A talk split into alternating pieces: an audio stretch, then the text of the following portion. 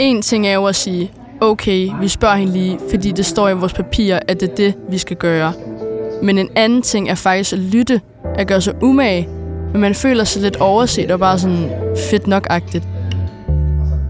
Sådan her lyder det et citat fra en 16-årig pige med handicap, efter et møde med den børne- og ungerådgiver, der behandler pigens sag. En sag, hvor pigen ifølge både lovgivning og konventioner har ret til at blive inddraget, og hvor udsagnene løbende skal tillægges passende vægt. Men som rådgiver kan man finde det både udfordrende og dilemmafyldt, når man skal inddrage børn og unge med handicap i egen sag.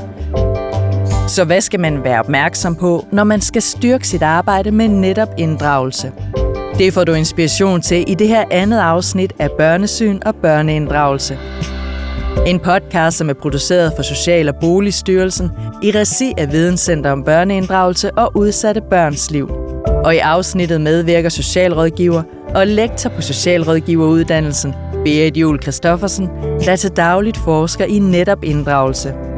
Mit navn det er Astrid Brun Bonen, og vi begynder afsnittet med at få svar på, hvorfor det er vigtigt, at man som rådgiver i arbejdet med inddragelse møder det enkelte barn individuelt. Det er vigtigt, at man møder og behandler de her børn og unge med handicaps individuelt. Og det er det altså, fordi at inddragelse af høj kvalitet først kan finde sted, når socialrådgiveren forholder sig til det konkrete og enkle barn, men også skaber mulighed for, at det får stemme og bliver lyttet til. Reel inddragelse finder altså først sted, når barnet og den unge får en stemme og føler, at de bliver lyttet til. Og netop det har Lara Lundy, som er professor på Queen's University i Belfast, lavet en model for.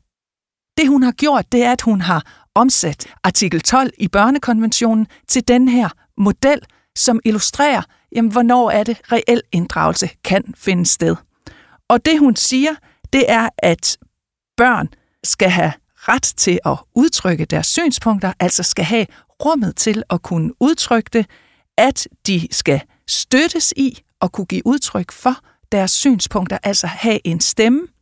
Så siger hun også, at socialrådgiveren skal lytte til børnene og tage deres udsagn alvorligt, altså at der skal være nogle tilhører. Og sidst, men ikke mindst, så siger hun også det her med, at børnenes øh, synspunkter, dem skal vi altså have med i vores vurdering. De skal tillægges passende vægt. De skal have indflydelse. Som rådgiver er det altså afgørende, at man møder det enkelte barn individuelt og skaber mulighed for, at barnet får en stemme og bliver lyttet til, samt for indflydelse, i tråd med Londis model. Men mens det på den ene side er vigtigt med den individuelle tilgang, så kan det på den anden side også skabe både udfordringer og dilemmaer for rådgiveren. Det, som kan være svært, når man som socialrådgiver skal møde hvert barn individuelt, det er jo tanken om, at der ikke er noget, som man per definition kan gribe fat i. Man kan sige, at vi har jo metoder, som siger noget om, jamen, hvad kan være godt i forhold til forskellige børn med forskellige diagnoser, men reelt set, så er vi nødt til at forholde os til det enkelte barn. En anden ting, der kan være i spil for socialrådgiverne, det er sådan en fastlåst billede af de her børn med handicap. Og det fastlåste billede kommer ofte alene på baggrund af barnets diagnose. Vi kan se, når vi taler med socialrådgiverne, at når vi giver dem nogle konkrete cases, jamen så er det faktisk sådan, at de uden at kende, hvad betyder den her diagnose for barnet, så vurderer de, at de ikke kan snakke med barnet. Så det vi kan se, det er, at man alene på baggrund af barnets diagnose laver den her vurdering. Og det er naturligvis problematisk. Og ligesom det er nødvendigt at møde hvert barn individuelt, så kan der også være brug for en bredere forståelse af, hvad børneinddragelse kan være, og at det kan være mere end bare en børnesamtale. Man kan forstå børneinddragelse bredt på det her område. Eller det mener jeg, jeg mener, man skal forstå børneinddragelse bredt. Man kan skelne imod eller imellem direkte inddragelse og så mere et tilstræbt indefra perspektiv. Og hvis vi starter med den sådan direkte inddragelse, det er jo der, hvor vi får barnets perspektiv. Vi hører deres stemme direkte. Men stemme skal man jo forstå i en overført betydning, fordi hvis det ikke er muligt med en samtale med barnet, så er man nødt til at overveje, jamen, hvordan kan vi få deres perspektiv, deres stemme direkte på en anden måde. Det kunne for eksempel være ved at maile med barnet. Det kunne være ved at lave et spørgeskema og få dem til at krydse det af og skrive noget i, i det. Så det direkte perspektiv kan man altså få på mange måder, som ikke blot er en samtale. Hvis vi så finder ud af, at det er faktisk ikke muligt med den her kreativitet, vi så har fået lagt for dagen, og inddrage barnets perspektiv direkte, så bør man begynde at overveje, jamen, hvordan kan vi så få barnets perspektiv med i vores sagsbehandling på anden vis. Og det er det, man kan kalde et tilstræbt indefra perspektiv. Det er der, hvor vi forsøger at sætte os i barnets sted. Hvis vi forsøger at sætte os i Emils sted, hvordan vil han så forstå, hvordan vil han opleve den her situation? Hvordan forestiller vi os, at Emil oplever den her situation? Så det kan være samtaler med forældre eller andre professionelle omkring barnet, hvor man sætter fokus på barnets perspektiv og hvordan de vil opleve det. Det er sådan en måde at gøre det på. En anden måde er jo at lave observationer af barnet, hvor man selvfølgelig ved, hvad er det, man observerer i forhold til, hvad er det, vi gerne vil opnå med den her observation, men at man så er sammen med barnet og får en oplevelse af, jamen, hvordan er det, barnet fungerer i sin hverdag. Det er også værdifuld viden i sagsbehandling.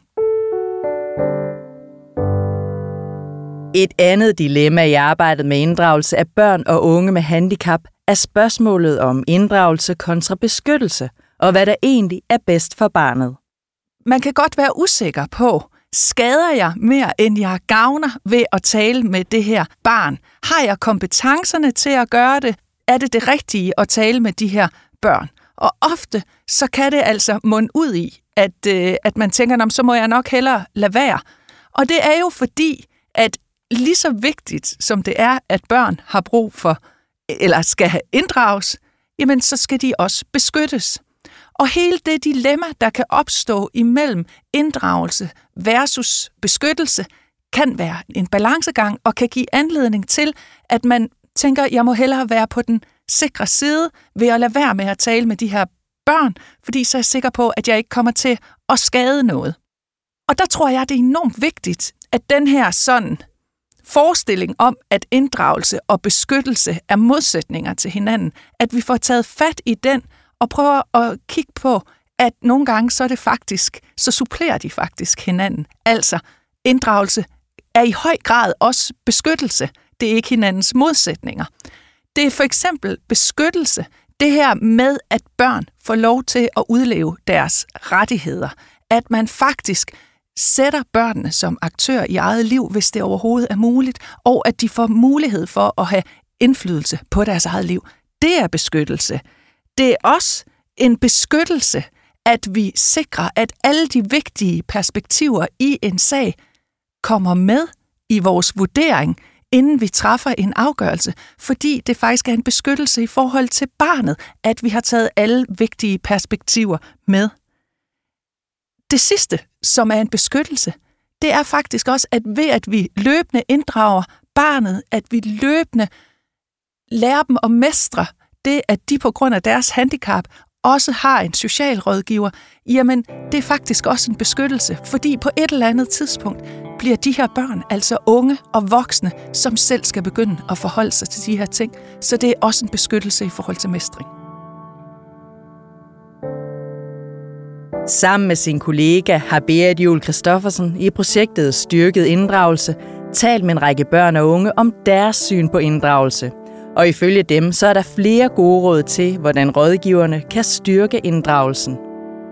Børnene og de unge har flere forskellige gode råd til socialrådgivere, som skal, skal mødes med unge med psykiske funktionsnedsættelser, som de her unge, vi har talt med, har. Og det handler først og fremmest om, at man skal lytte, som vi også hørte pigen sige i starten. Man skal faktisk interessere sig for det og blive ved med at lytte. En pige sagde også til os, at det er sådan, når man sætter sig ned og snakker med mig, så er det som lige så stille at åbne en dør. Og hvis jeg oplever, at man ikke lytter, så lukker den langsomt i igen. Og det er sådan et fint billede af, jamen, hvad er det egentlig, de gerne vil. En dreng brugte også et billede med, jamen, det er som om socialrådgiveren har hovedet over skyerne. Og når vi så forsøger at prikke hovedet op over, så siger de, ned, her har I ikke noget at gøre. Og vi skal, de skal ned under skyerne, sagde han, så vi kan snakke sammen. Så det her med, de vil faktisk gerne finde et fælles luftlag, kan man sige, hvor vi kan tale sammen. Så det betyder rigtig meget for dem. Så er der sproget. Noget af det, de siger, det er, at man ikke skal tale for hurtigt. Det var det, de sagde til os. Og det er så svært, hvis nogen taler hurtigt. Men også, at man ikke skal bruge alt for svære ord. Det var i hvert fald vigtigt for de her unge med psykiske funktionsnedsættelser. Der var en dreng, øh, der sagde, at øh, de skal i hvert fald lade være med at bruge alt for fancy ord. Sådan nogle kæmpe store ord i hvert fald. Altså sådan nogle store kommuneord, kaldte han dem. Fordi halvdelen af dem, dem forstår jeg ikke. Så gør min hjerne bare sådan error.error 404 brain not found. Vi slutter afsnittet med nogle gode råd til, hvordan man som børne- og ungerådgiver, der arbejder med børn og unge med handicap, kan styrke sit arbejde med inddragelse. Når man som socialrådgiver skal styrke sit arbejde med inddragelse af børn og unge, er der en række ting, som jeg tænker, det er vigtigt, der er fokus på. Det er vigtigt, at der er fokus på det her med, at det er en konkret og individuel vurdering om og hvordan de her børn kan inddrages.